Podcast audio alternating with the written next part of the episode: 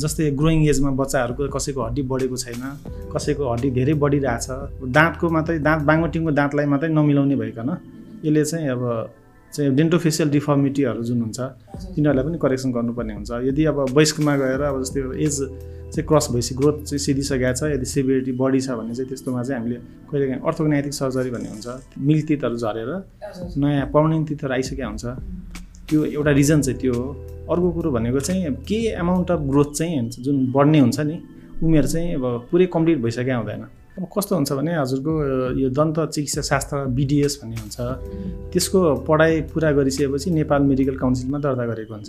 हो यो कस्तो हुन्छ भने जस्तै अब यो अर्थोडोन्टिक्स भनेको जस्तै बिडिएस पढिसकेपछि अब यसमा चाहिँ अब अर्थोडोन्टिक विशेषज्ञ हुनलाई यो ब्रेसेस सम्बन्धी विशेषज्ञ हुनलाई चाहिँ एमडिएस भन्ने हुन्छ। अब कस्तो हुन्छ भने जस्तै बाङ्गोटीको दाँत भएपछि त्यहाँ चाहिँ अब खाना त राम्रोसँग सफा हुने ब्रस गर्दाखेरि सबै ठाउँमा पुण्य भएन।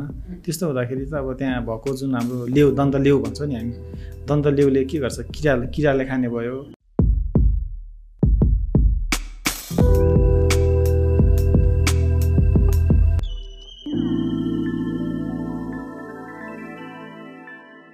Namaste, welcome everyone. Welcome to the Good Health. म हुँ Nishma Dhungana Chaudhary and this so is all about health हामीले हेल्थ आफ्नो बडीको डिफ्रेन्ट डिफ्रेन्ट पार्ट्सहरूमा कस्तो कस्तो इस्युज आउँछ त्यसको सोल्युसन यस्तो सबै कुराहरूको बारेमा चाहिँ यो पडकास्टमा डिस्कस गर्छौँ. And we're very overwhelmed with all the support that we're getting in the Instagram from you guys so आज चाहिँ एकदमै स्पेसली एक्साइटेड छु म. एनिवे एक्साइटेड भएको कारणले होला स्माइल बढिरहेछ। स्माइल भन्ने बित्तिकै सबैभन्दा फर्स्ट कुरा द्याट हाम्रो हाम्रो दिमागमा जे आउँछ त्यो भनेको चाहिँ दाँत हो। होइन? I don't believe I connected this with this but आज हामीहरू डेन्टल हेल्थको बारेमा कुरा गर्छौँ। आज हामी ब्रेसेस हेल्थको बारेमा कुरा गर्छौँ। आज चाहिँ हामीसँग इन डेप्थ ब्रेसेसको बारेमा डिटेल दिनको लागि डक्टर सञ्जय प्रसाद गुप्ता हुनुहुन्छ। He is assistant professor and he is consultant orthodontist at TU dental teaching hospital उहाँ ब्रेसेस विशेषज्ञ हुनुहुन्छ। उहाँको आफ्नै क्लिनिक पनि छ डेन्टल भिला भन्ने र उहाँ ग्रान्डे हस्पिटलमा पनि कार्यरत हुनुहुन्छ। You can also find him at Grande hospital so without further ado, let's welcome uh, Dr. Sanjay Prasad Gupta with a very big smile indeed. Uh, welcome, sir. Namaste. Namaste. Thank you. Uh, so, how are you? Fine. Fine? Yeah. Okay. Uh, so, अब आज चाहिँ um, हामीहरू dental हाइजिनको बारेमा कुरा गर्दैछौँ mostly ब्रेसेसको बारेमा कुरा गर्दैछौँ यहाँ बेसिस ब्रेसेस विशेषज्ञ हुनुहुन्छ होइन? अनि थुप्रै ठाउँमा पनि यहाँ संलग्न हुनुहुँदो रहेछ यहाँको आफ्नै क्लिनिक पनि रहेछ। So I think I just first start with आफ्नो जुन क्लिनिक छ त्यसको बारेमा चाहिँ अलिकति बताइदिनु भयो भने यहाँले and then we go forward with the so म चाहिँ अब उप प्राध्यापक अर्थोन्टिक विषयको रूपमा टिचिङ हस्पिटलमा कार्यरत छु। त्यो सँगसँगै अब ग्यान्डी इन्टरनेसनल हस्पिटलसँग पनि आबद्ध छु। र त्यसको साथसाथै फाउन्डर चाहिँ dental villa orthodontic center and speciality dental clinic जुन चाहिँ बल्खु पुलिस रोडमा रहेको छ। त्यहाँ चाहिँ हामी विशेष गरी अब सबै दाँतको सबै उपचारहरू चाहिँ स्पेसलिस्टद्वारा नै गरिन्छ। साथसाथै हाम्रो ब्रेसेसको लागि चाहिँ विशेष हामीले त्यहाँ चाहिँ ध्यान दिएको छौँ। हजुर। हामी ब्रेसेस हेल्थको बारेमा ब्रेसेसको बारेमा चाहिँ अफकोर्स यहाँबाट इन्फर्मेसन लिन्छौँ नै। पहिला चाहिँ अलिकति डेन्टल हेल्थको बारे हाइजिनको बारेमा पनि कुराकानी राख्यौँ भने सायद हाम्रो अडियन्सहरूलाई अलिकति इजी होला कि भनेर चाहिँ set the questions that way अब दाँत कतिको इम्पोर्टेन्ट छ डेन्टल हाइजिन कतिको इम्पोर्टेन्ट छ भन्ने कुरा त सायद सबैजनालाई थाहा नै होला होइन? I just wanted to know what is a basic regime हामीले दिनदिनै चाहिँ गर्नुपर्ने कामहरू के के हो आफ्नो दाँतलाई एकदम नर्मल रूपमा हेल्दी राख्नको लागि? अब दाँत भन्ने बित्तिकै अब शरीरको एउटा द्वार भनौँ हामी होइन? दाँतले मुखले चाहिँ हामी जे पनि अब खान्छौँ सबै जाने भनेको मुखबाट हो। त्यही भएर मुख स्वास्थ्य नै हाम्रो अरू कुराहरूको चाहिँ हामी डिटर्माइन गर्छ। जस्तै कुनै पनि डिजिजहरू चाहिँ अब यिनीहरूको चाहिँ अब कोल्याट्रल रोल भन्छौँ नि हामी। एकसँग अरू एक अर्कोसँग सम्- सम्बन्धित हुन्छ। जस्तै मुखमा कुनै प्रब्लम छ भने चाहिँ त्यो चाहिँ अब सिस्टेमिक जस्तै अब मधुमेह रोगलाई होइन? कार्डिक प्रब्लमहरूलाई पनि चाहिँ अप्ठ्यारो भइरहेको हुन्छ वा चाहिँ कुनै अब सिस्टेमिक डिजिजहरू छ भने चाहिँ दाँतमा मुखमा चाहिँ त्यसको लक्षणहरू चाहिँ देखिने हुन्छ। र कस्तो हुन्छ भने कारक तत्त्वहरू पनि कुनै पनि डिजिजहरूको जस्तै अब दाँतको किरा लाग्ने वा पेडोन्टल डिजिज भन्छौँ हामी हर्सा लाग्ने भन्छौँ होइन तिनीहरू चाहिँ को कारक तत्त्व भनेको अब धेरै गुलियो पदार्थ खाने। गुलियो पदार्थ धेरै खाने त्यसपछि प्रोसेस खानेकुरा खाने सफ्ट ड्रिङ्क्सहरू खाने यिनीहरूले गर्दा हुन्छ भने चाहिँ मधुमेहहरू कार्डिक डिजिजहरूको पनि एउटा कारक तत्त्व भनेको त्यही सेम कुरा हुन्छ। त्यही भएर चाहिँ मुख स्वास्थ्य अब अरू मुख स्वास्थ्यलाई पनि चाहिँ अरू शरीरको अरू अङ्गहरूको स्वास्थ्यलाई जस्तै चाहिँ ध्यान दिनुपर्ने हुन्छ। त्यसको लागि चाहिँ सबैभन्दा अब राम्रो मुख स्वास्थ्य ध्यान दिनुपर्ने कुराहरू भनेको अब त्यसको लागि चाहिँ अब प्रतिरोधात्मक पद्धति भनौँ होइन। हामी prevention is always better than cure होइन। त्यही भएर चाहिँ हामीले चाहिँ अब त्यसलाई चाहिँ अब रोग लाग्न चाहिँ दिनु भएन। त्यो गर्नलाई चाहिँ सबभन्दा पहिला चाहिँ हाइजिन मेन्टेन गर्नु पऱ्यो त्यो भनेको हामीले खाना खाँदाखेरि चाहिँ धेरै गुलियो खानेकुरा खानु भएन। त्यसपछि अब सफ्ट ड्रिङ्क्सहरू सकेसम्म एभोइड गर्ने।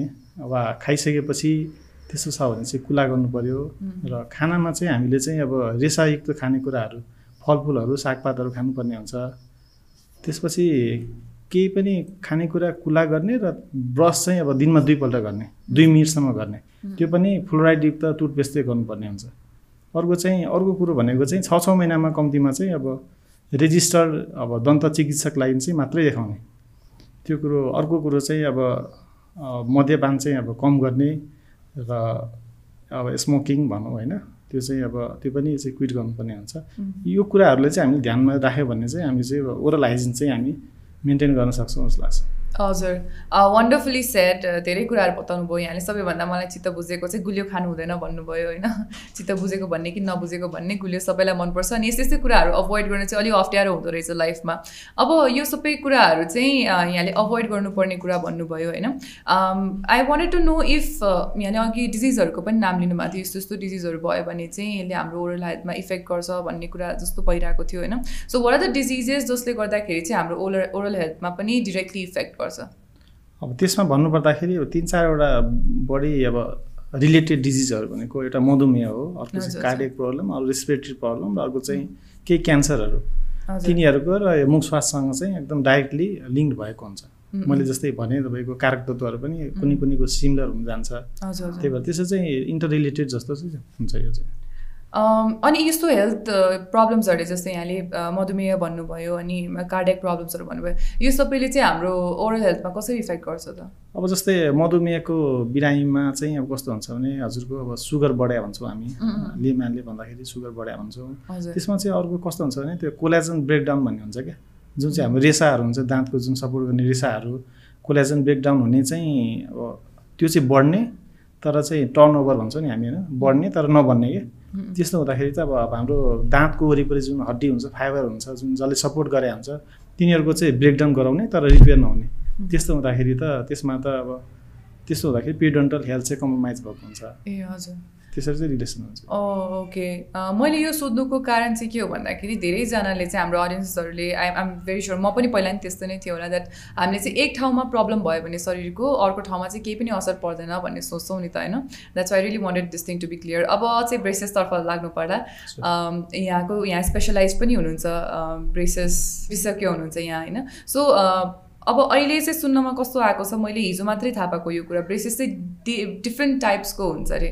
जुन अब मैले चाहिँ ब्रेसेस भन्ने बित्तिकै इमेजिनेसनमा के छ भन्दाखेरि त्यो स्टिलको त्यति नै आउँछ होइन? But I heard that they are lots of different types of braces होइन? So let's start with that what is braces अनि what are the types of braces that can be found अब अर्थोपेडिक उपचार भनेको दाँतकोलाई बाङ्गोटीको दाँतलाई मिलाउने भनेर हामी बुझ्छौँ खासमा चाहिँ।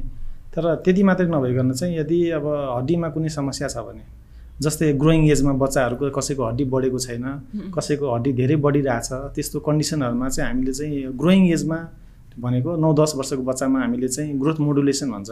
सर्टेन एप्लायन्सहरू लाएर यसलाई बढाउन सकिन्छ होइन? त्यही भएर चाहिँ अब यो चाहिँ अब दाँतको मात्रै दाँत बाङ्गोटिङको दाँतलाई मात्रै नमिलाउने भइकन यसले चाहिँ अब चाहिँ डेन्टोफेसियल डिफर्मिटीहरू जुन हुन्छ तिनीहरूलाई पनि करेक्सन गर्नुपर्ने हुन्छ। यदि अब वयस्कमा गएर अब जस्तै एज चाहिँ क्रस भइसक्यो ग्रोथ चाहिँ सिधिसकेको छ यदि सिभिरिटी बढी छ भने चाहिँ त्यस्तोमा चाहिँ हामीले कहिलेकाहीँ अर्थोग्नेटिक सर्जरी भन्ने हुन्छ। त्यसरी पनि हामीले करेक्सन गर्नुपर्ने हुन्छ। र ब्रेसेस त भइ नै हाल्यो ब्रेसेसमा तपाईँले टाइप्स भन्नुभयो होइन। ब्रेसेसमा चाहिँ जेनरली अब ब्रेसेस भन्ने बित्तिकै हाम्रो दिमागमा कस्तो हुन्छ भने मेटल ब्रेसेस मेटल ब्रेसेस चाहिँ एउटा टाइप हो होइन। त्यो सँगसँगै तपाईँको अब सिरामिक ब्रेसेस हुन्छ दाँत कलरको ब्रेसेस हुन्छ जसलाई एस्थेटिक ब्रेसेस भन्छौँ हामी। त्यसपछि कुनै कुनै बिरामीहरूलाई चाहिँ अब बाहिर देखाउने भएन। जस्तै अब मेरो पनि बिरामीहरू हुन्छ अब कोही एयर होस्टेस हुनुहुन्छ कोही फिल्मको हिरै हुनुहुन्छ होइन? उहाँहरूको त अब त्यो पर्मिट गर्दैन प्रोफेसनले त्यस्तो कन्डिसनहरूमा चाहिँ हामीले चाहिँ अब दाँतको पछाडिबाट चाहिँ हामी ब्रेसेस लाउनु पर्ने हुन्छ। त्यसलाई चाहिँ हामी लिङ्गुअल अर्थोडन्टिक्स भन्छौँ। लिङ्गुअल भनेको पछाडिबाट। लेबियल भनेको अगाडिबाट लिङ्गुअल भनेको पछाडिबाट। अब अहिले चाहिँ नयाँ प्रविधि भनेको अब अहिले नेपालको लागि चाहिँ नयाँ भनौँ होइन तर चाहिँ अब धेरै नै भयो यसको चाहिँ होइन बाहिरतिर चाहिँ। एलाइनर भन्ने एकदमै धेरै हाम्रो पपुलर भइरहेछ। अब एलाइनर भनेको चाहिँ विदाउट ब्रेसेस दाँत सिधा गर्ने तर चाहिँ विदाउट ब्रेसेस चाहिँ पनि दाँत मिलाउनु मिल्ने। त्यस्तो पनि पद्धतिको आविष्कार भएको छ त्यो पनि हामी गर्छौँ। तर त्यस त्यसको लागि चाहिँ लिमिटेसनहरू सर्टेन सबै केसहरूको लागि चाहिँ त्यो उपयुक्त हुँदैन तर जे होस् त्यो पनि अप्सन हामीसँग छ हामीहरूसँग चाहिँ हुन्छ। ओके भनेपछि हामीले यसो सोच्दाखेरि दाँत मिलाउने बाहेक पनि यहाँहरूको रोल चाहिँ जुन यो यहाँले अघि नै भन्नुभयो अडियोहरू मिलेको छैन भने ग्रोइङ एजमा। त्यो चाहिँ गर्न सकिन्छ भनेर। अब ब्रेसेससँग चाहिँ कस्तो भन्दाखेरि हाम्रो सोसाइटीमा धेरै कन्भर्सेसनहरू मैले सुनेको छु अनि धेरै मिसकन्सेप्सन पनि छ जस्तो लाग्छ मलाई। I think you're more aware of that होइन? जस्तै अब ब्रेसेस सानै उमेरमा लाएन भने चाहिँ पछि त्यो काम लाग्दैन यस्तो यस्तो भन्ने कुराहरू चाहिँ एजसँग चाहिँ एकदमै एसोसिएट गरिन्छ क्या ब्रेसेसलाई the younger you start better it is भन्ने कुराहरू हुन्छ। अनि अब अलि एज हुँदै गइसकेपछि लायो भने चाहिँ त्यसले काम गर्दैन ब्रेसेसको केही काम छैन भन्ने कुराहरू।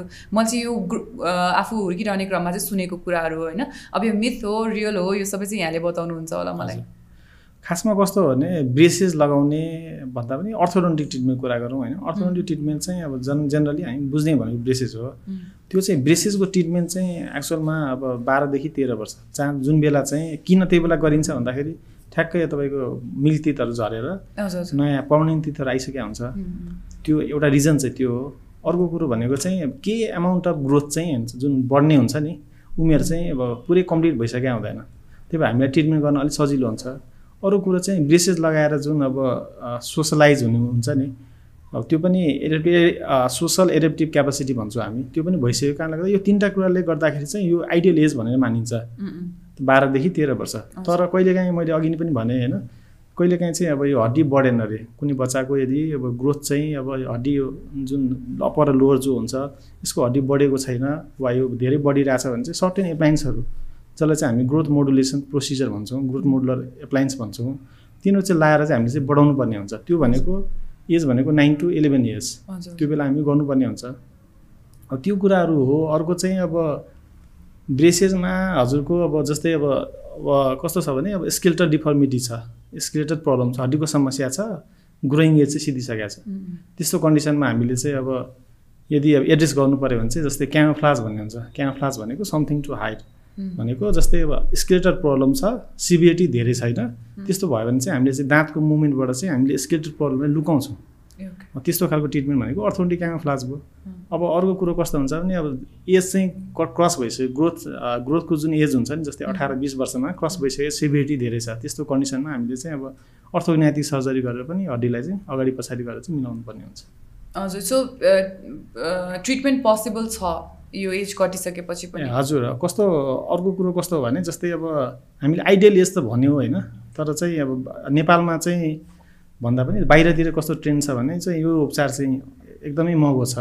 त्यही भएर चाहिँ हामीले धेरै जसो चाहिँ एडल्ट पेसेन्टहरू देख्छौँ कि त्यहाँ। चाहिँ आफै अर्न गर्ने आफै कमाएर आफै ट्रिटमेन्ट गर्ने। किनकि धेरै नै एक्सपेन्सिभ हुन्छ नेपालमा चाहिँ अब त्यस्तो छैन होइन। अब त्यस्तो कन्डिसनमा चाहिँ अब एडल्टमा चाहिँ नहुने चाहिँ होइन। तर चाहिँ जुन हाम्रो जुन बाह्र तेह्र वर्ष भन्छौँ त्यो बेला चाहिँ बोनको कन्सिस्टेन्सी चाहिँ इलास्टिक हुन्छ। मैले भने अलिअलि ग्रोथ हुन्छ। त्यसमा चाहिँ ठाउँ बनाउनुलाई चाहिँ हामीले चाहिँ सजिलो हुन्छ। तर अब एज चाहिँ अब बिस वर्ष भयो तिस वर्ष भयो चालिस वर्ष भयो भनेपछि गर्नै नमिल्ने चाहिँ होइन। त्यही हो त्यसको अनुपातमा चाहिँ अलिकति ट्रिटमेन्ट ढिलो होला होइन। त्यसमा चाहिँ सर्टेन हाम्रो प्रिकोसन्सहरू सर्टेन चाहिँ हाम्रो मेकानिक्सहरू ट्रिटमेन्ट मेकानिक्सहरू अलिकति चेन्ज गर्नुपर्ने हुन्छ। तर चाहिँ गर्नै नमिल्ने भन्ने चाहिँ हुँदैन। ए ओके यहाँले अलिकति प्रसङ्ग निकालिहाल्नुभयो त्यस कारण मलाई पनि सोध्न इच्छा लाग्यो। नेपालमा कतिको अवेर देख्नु भएको छ डेन्टल हाइजिनलाई लिएर नेपाली हाम्रो दाजुभाइ दिदीबहिनीहरूलाई यहाँले? डेन्टल हाइजिनलाई लिएर पहिला पहिला चाहिँ अलिकति कस्तो भने हाम्रो अब ब्याकग्राउन्ड पनि अब सोसल ब्याकग्राउन्ड पनि त्यति धेरै इकोनोमिक ब्याकग्राउन्ड पनि त्यति धेरै राम्रो नभएकोले चाहिँ सुरु सुरुमा चाहिँ मान्छेलाई अरू कुरा जसले चाहिँ ड्यामेजिङ हुन्छ जसले चाहिँ झट्टै जस्तै अब केही कुरा ऊ छ भने डिजिजहरू छ भने त्यसलाई ठुलो लिने। दाँतको समस्या त के नै हुन्छ र भन्ने टाइपको पहिला थियो। अहिले चाहिँ कस्तो छ भने बिस्तारै बिस्तारै जस्तै मैले अब टु थाउजन्ड टेनमा मैले अब यो अर्थोन्टिक विशेषज्ञको अब रेजिडेन्सी मैले सुरु गरेँ। टिचिङ हस्पिटलको पहिलो टियुको पहिलो भनौँ होइन। त्यो बेला पनि अब हामीलाई चाहिँ अब भनौँ न ब्रेसेसकै बिरामीहरू कुरा गरौँ होइन। त्यो बेला चाहिँ एवेरनेस चाहिँ अलिकति कमै हो कि जस्तो लाग्थ्यो। तर अहिले आएर अब दस वर्षपछि यसो हेर्दाखेरि चाहिँ अब एकदम people are more aware of those things त्यही भएर चाहिँ अब पिसिनमा चाहिँ अब डेन्टल हाइजिन चाहे अब त्यो ब्रेसेसको समस्याहरू चाहिँ अब एकदम अवेर भइरहेछन् मान्छेहरू आइरहेछन्। अब राम्रो हुँदैछ भन्नुपर्छ। अब राम्रो हुँदैछ होस् बिकज मेरो विचारमा चाहिँ त्यति धेरै मैले पनि while I was growing up मैले त्यति धेरै अवेर भएर जसरी यहाँले भन्नुभयो छ छ महिनामा जानुपर्छ भन्ने कुरा यहाँले आफै इन्क्लुड गर्नुभएको थियो। त्यस्तो चाहिँ मैले खासै देखेको छुइनँ। आफ्नै सोसाइटीमा पनि जबसम्म दाँत किराले पुरै खाइसक्दैन होइन अथवा यहाँले जुन सिभियर प्रब्लम्सहरू भन्नुभयो ग्रोथ भएन यताउति त्यस्तो हुँदा मात्रै जाने मैले देखेको छु होइन। That's why really wanted to ask that अब हामीले कुरा गरिहाल्यौँ जानुहुन्छ जानु हुँदैन भनेर what is the right age to go to an orthodontist मैले भने जस्तै कस्तो छ भने अब एउटा यसको चाहिँ American association of orthodontist A O संस्था छ। त्यसले चाहिँ कस्तो हुन्छ जस्तै मैले भने हजुरलाई चाहिँ अब कस्तो छ भने अब ग्रोइङ एजमा कुनमा चाहिँ डिफेक्ट छ कि छैन त्यो त मान्छेहरूले छुट छुट्याउन सक्दैन। त्यस्तो भयो भने चाहिँ अब यो ग्रोथ चाहिँ अब भएको छ कि छैन के भएको छ? होइन आफ्नो बच्चालाई अब यो हड्डी ग्रो गरेको छ कि छैन भन्ने कुरा त अब यो सम्बन्धित विशेषज्ञले मात्रै थाहा हुन्छ। त्यही भएर उहाँहरूको कस्तो एओको प्रोटोकल कस्तो छ भने चाहिँ बच्चालाई चाहिँ छदेखि सात वर्षको उमेरमा एकपल्ट चाहिँ अर्थोडोन्टिक विशेषज्ञसँग चाहिँ परामर्श गराउनुपर्छ भन्ने छ। अब यो यहाँले अर्थोडोन्टिस्ट भनिहाल्नुभयो होइन हामी चाहिँ बच्चा बेलादेखि अब डेन्टिस्ट डेन्टिस्ट भनेर मात्रै ऊ भएको। अब यहाँहरूको पनि आफ्नो एजुकेसन एकाडेमिक क्वालिफिकेसनहरू हुन्छ होला। सो मैले कस्तो कस्तो समस्याको लागि कस्तो कस्तो डक्टरकोमा जान सक्छु त यो डेन्टल डेन्टल हाइजिनलाई लिएर चाहिँ? अब कस्तो हुन्छ भने हजुरको यो दन्त चिकित्सा शास्त्र बिडिएस भन्ने हुन्छ। त्यसको पढाइ पुरा गरिसकेपछि नेपाल मेडिकल काउन्सिलमा दर्ता गरेको हुन्छ। त्यो भनेको बिडिएस भनेको जेनरल डेन्टल प्र्याक्टिसनर। उहाँहरू भनेको अब डेन्टल अब जेनरल प्रब्लमहरूको लागि उहाँहरू दक्ष हुनुहुन्छ। अब कस्तो हुन्छ भने कहिलेकाहीँ अब हाम्रो यो डेन्टलमै पनि पहिला पहिला अब कस्तो छ भने म्यान पावरको कमी थियो। अब टेक्नोलोजीहरू त्यस्तो थिएन म्यान पावरहरू त्यस्तो एकदम लिमिटेड मात्रामा मात्रै थियो होइन। लिमिटेड जनशक्ति मात्रै थियो। अहिले चाहिँ कस्तो छ भने अब सम्बन्धित अब कस्तो हुन्छ भने डेन्टिस्ट्रीमै हाम्रो अब नौवटा दसवटा विधाहरू छ। सबैको जस्तै हामी अब कार्डियोलोइस्ट भन्छौँ होइन। सर्टेन अब जस्तै एमबिबिएस गरिसकेपछि कोही डर्मेटोलोइस्ट हुन्छ स्किन छाला रोग विशेषज्ञ हुन्छ कोही गाइनिकोलोइस्ट हुन्छ कोही अथ्याल्मोलोइस्ट हुन्छ कोही एनटी हुन्छ होइन। त्यसरी चाहिँ फरक फरक हुने भएको जस्तै हाम्रो बिडिएस गरिसकेपछि चाहिँ दन्त चिकित्सा शास्त्रमा त्यसको पनि सुपर स्पेसियलाइजेसन भन्छौँ हामी। त्यसमा पनि अब नौ दसवटा चाहिँ विभागहरू छ। त्यो मध्येको एउटा अर्थोडन्टिक्स भनेको चाहिँ एउटा विभाग हो। त्यसरी नै प्रोस्टोडन्टिक्स भनेको दाँत राख्नु पऱ्यो भने प्रोस्टोडन्टिक्स भन्ने हुन्छ। त्यसरी चाहिँ अरू अरू विधाहरू हुन्छ। सो यहाँले अलग विधाहरू भनिहाल्नुभयो। हाम्रो नेपालमा सबै विधाको डक्टर्सहरू हुनुहुन्छ त? हुनुहुन्छ ओके भनेपछि हामीले यदि कन्ट्याक्ट गर्नु पर्यो जस्तै अब यहाँको त मैले क्लिनिकहरूको गरिहालेँ होइन? क्लिनिकको नाम बताइदिइहालेँ। पक्कै पनि हाम्रो अडियन्सहरूले यहाँलाई कन्ट्याक्ट गर्नुहुन्छ होला यदि यहाँलाई कुनै समस्या छ भने। उहाँहरूले कसरी थाहा पाउने त म कुन डेन्टिस्टकोमा जाने हो भनेर? हो यो कस्तो हुन्छ भने जस्तै अब यो अर्थोडोन्टिक्स भनेको जस्तै बिडिएस पढिसकेपछि अब यसमा चाहिँ अब अर्थोडोन्टिक विशेषज्ञ हुनलाई यो ब्रेसिस सम्बन्धी विशेषज्ञ हुनलाई चाहिँ एमडिएस भन्ने हुन्छ। त्यो एमडिएस चाहिँ कुनै विश्वविद्यालयबाट एमडिएस चाहिँ पास गरिसकेपछि स्ना स्नातकोत्तर भनिन्छ। बिएमडिएस भनेको। त्यो त्यो पनि एमडिएसको पढाइ पुरा गरेर नेपाल मेडिकल काउन्सिलमा दर्ता गरेपछि he or she is now capable of doing orthodontic treatment actually हजुर। त्यस्तो हुन्छ। Okay as a as a जस्तै म म चाहिँ एज अ पेसेन्ट हुन्छ नि जस्तै अब मैले खोज्न चाहेँ भने चाहिँ भनेपछि नेपालको हरेक हस्पिटलमा मैले यस्तो किसिमको फेसिलिटिज पाउँछु त। फेसिलिटिज कतिको अभाइलेबल छ नेपालमा? फेसिलिटिजहरू अब बिस्तारै डेभलप हुँदैछ भन्छु म होइन? यो चाहिँ बर्डिङ स्टेज नै भन्छु म अहिले पनि होइन? किनकि अब प्रत्येक हस्पिटलमा सबै विधाहरू अब त्यसरी चाहिँ नभए पनि अब धेरै जसोमा चाहिँ अब चाहिँ अब त्यो सिस्टम चाहिँ आउँदैछ बिस्तारै। अब patients are getting more aware होइन? त्यो हुँदाखेरि चाहिँ अब मान्छेले जस्तै तपाईँलाई जस्तै कार्डियक प्रब्लम भयो भने तपाईँ फिसियन कहाँ जानुहुन्छ कि कार्डियोलोजिस्ट कहाँ जानुहुन्छ? कार्डियोलोजिस्ट सेम थिङ ओके अब हामीले सायद धेरैवटा कुरा गरिसक्यौँ तर कस्तो प्रब्लमहरू चाहिँ एड्रेस गर्नुहुन्छ त यहाँले भन्ने कुरामा चाहिँ अलिकति हामी गएको छैनौँ होला. So what kind of problems are address if I go to you address गर्नुभन्दा पनि पहिला चाहिँ कस्तो खालको चाहिँ बिरामीहरू चाहिँ हामी कहाँ आउने भन्ने कुरो वा कस्तो खालको प्रब्लम भयो भने हामी कहाँ आउने?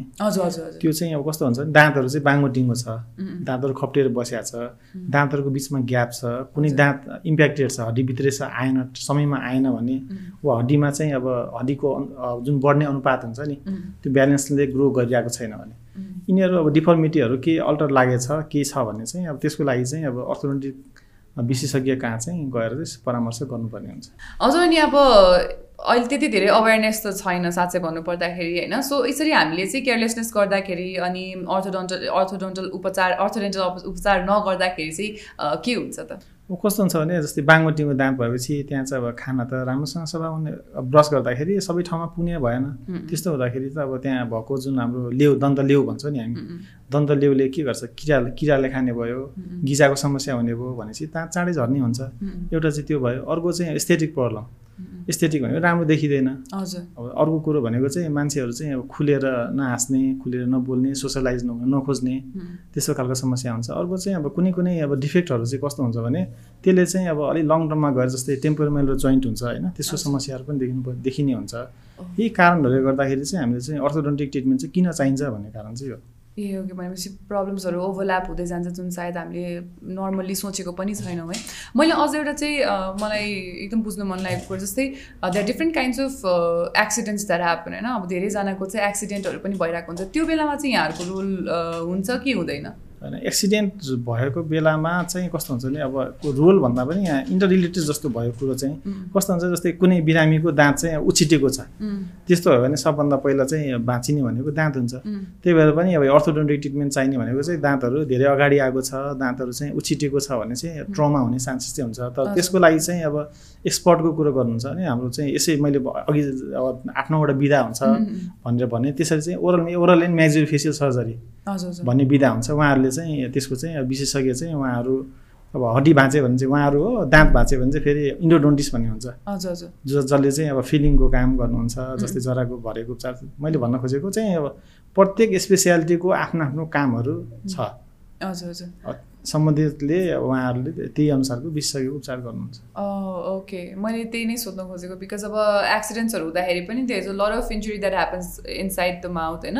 त्यो क्रममा चाहिँ यहाँहरूको कतिको रोल रहेछ रहेनछ भनेर सोध्न खोजेको। So if there is anything that you want to address हामी कार्यक्रमको अन्त्यतर्फ आइसकेका छौँ। कि टपिक हामीले छुट्याएका त छैनौँ जस्तो लाग्छ मलाई। अब कस्तो हुन्छ भने जस्तै अब अर्थोडोन्टिक अ, को चाहिँ अब उपचारको प्रक्रियाहरू प्रोसिजरहरू के के हुन्छ जस्तै हामीले सबभन्दा पहिला बिरामी आएपछि चाहिँ अब उहाँको समस्या हेर्छौँ पहिला हामी क्लिनिकल इक्जामिनेसन गर्छौँ। गर्दाखेरि चाहिँ उहाँको लागि चाहिँ अब ट्रिटमेन्ट चाहिएको छ कि छैन जस्तै अब कुनै कुनै केसमा चाहिँ अब डिप बाइट भन्छौँ हामी ओपन बाइट भन्छौँ क्रस बाइट भन्छौँ। दाँतहरू बाङ्गोटिङमा छ दाँत उछिटेको छ दाँतमा ग्याप छ कुनै दाँतहरू आइरहेको छैन। अब कसैको चाहिँ अब अब क्लास टू भन्छौँ क्लास थ्री भन्छौँ होइन? त्यो भनेको चाहिँ अब दाँतहरू चाहिँ अगाडि आएर बन्द भएको छ कसैको चाहिँ उल्टो भएर बन्द भएको छ। यिनीहरूको लागि चाहिँ अब यो यो यो पेसेन्टलाई चाहिँ अब अर्थोडोन्टिक उपचार चाहिँ चाहिन्छ है। त्यस्तो भइसकेपछि हामीले चाहिँ अब क्लिनिकल इक्जामिनेसन गरिसकेपछि हामीले दुईवटा चाहिँ विशेष एक्सरेहरू चाहिँ हामी गराउँछौँ। त्यो भनेको ल्याटरल सिफालोग्राम र अर्को चाहिँ अर्थोपेन्टोमोग्राम। अर्थोपेन्टोमोग्राममा चाहिँ हामीले चाहिँ दाँतहरू चाहिँ कसरी आइरहेको छ कुनै दाँत इम्प्याक्टेड छ कि कुनै प्याथोलोजीहरू भित्र छ कि त्यो हेर्छौँ र अर्को चाहिँ ल्याटरल सिफालोग्राममा के हेर्छ भन्दाखेरि यो ट्रिटमेन्टमा चाहिँ कस्तो छ भने अब तपाईँको दाँत मात्रै मिलाउने नभइकन ओभरअल फेसमा पनि राम्रो चेन्जेस आउनु पऱ्यो त्यसको लागि हो त्यही भएर चाहिँ हामी फेस एनालाइसिस गर्छौँ। हामी मेजमे हड्डीहरूको चाहिँ मेजरमेन्ट गर्नुपर्ने हुन्छ। कसरी गर्दा राम्रो हुन्छ? कुनै कुनै केसमा चाहिँ हाम्रो स्पेस अब यदि चाहिएको छ भने चाहिँ कहिलेकाहीँ दाँत झिकेर गर्नुपर्ने हुन्छ कहिलेकाहीँ नझिकेर गर्नुपर्ने हुन्छ। त्यही भएर चाहिँ अब त्यो भयो एक्सरेको काम चाहिँ। अर्को भनेको चाहिँ हामी नाप लिन्छौँ। नाप भनेको दाँतकै मोडल हामी बनाउँछौँ। त्यो गर्छौँ फेरि फोटोग्राफ्स लिन्छौँ। फोटोग्राफ्स मुखभित्रको फोटो खिच्छौँ मुख बाहिरको फोटो खिच्छौँ। फोटोग्राफ्स कास्ट त्यसपछि एक्सरे त्यसपछि क्लिनिकल इक्जामिनेसन गरेको यो सबै कुरालाई हामी लिएर चाहिँ पेसेन्टलाई चाहिँ के गर्दा राम्रो हुन्छ? दाँत झिकेर गर्ने कि नझिकेर नझिकिकन गर्दा राम्रो हुन्छ कि?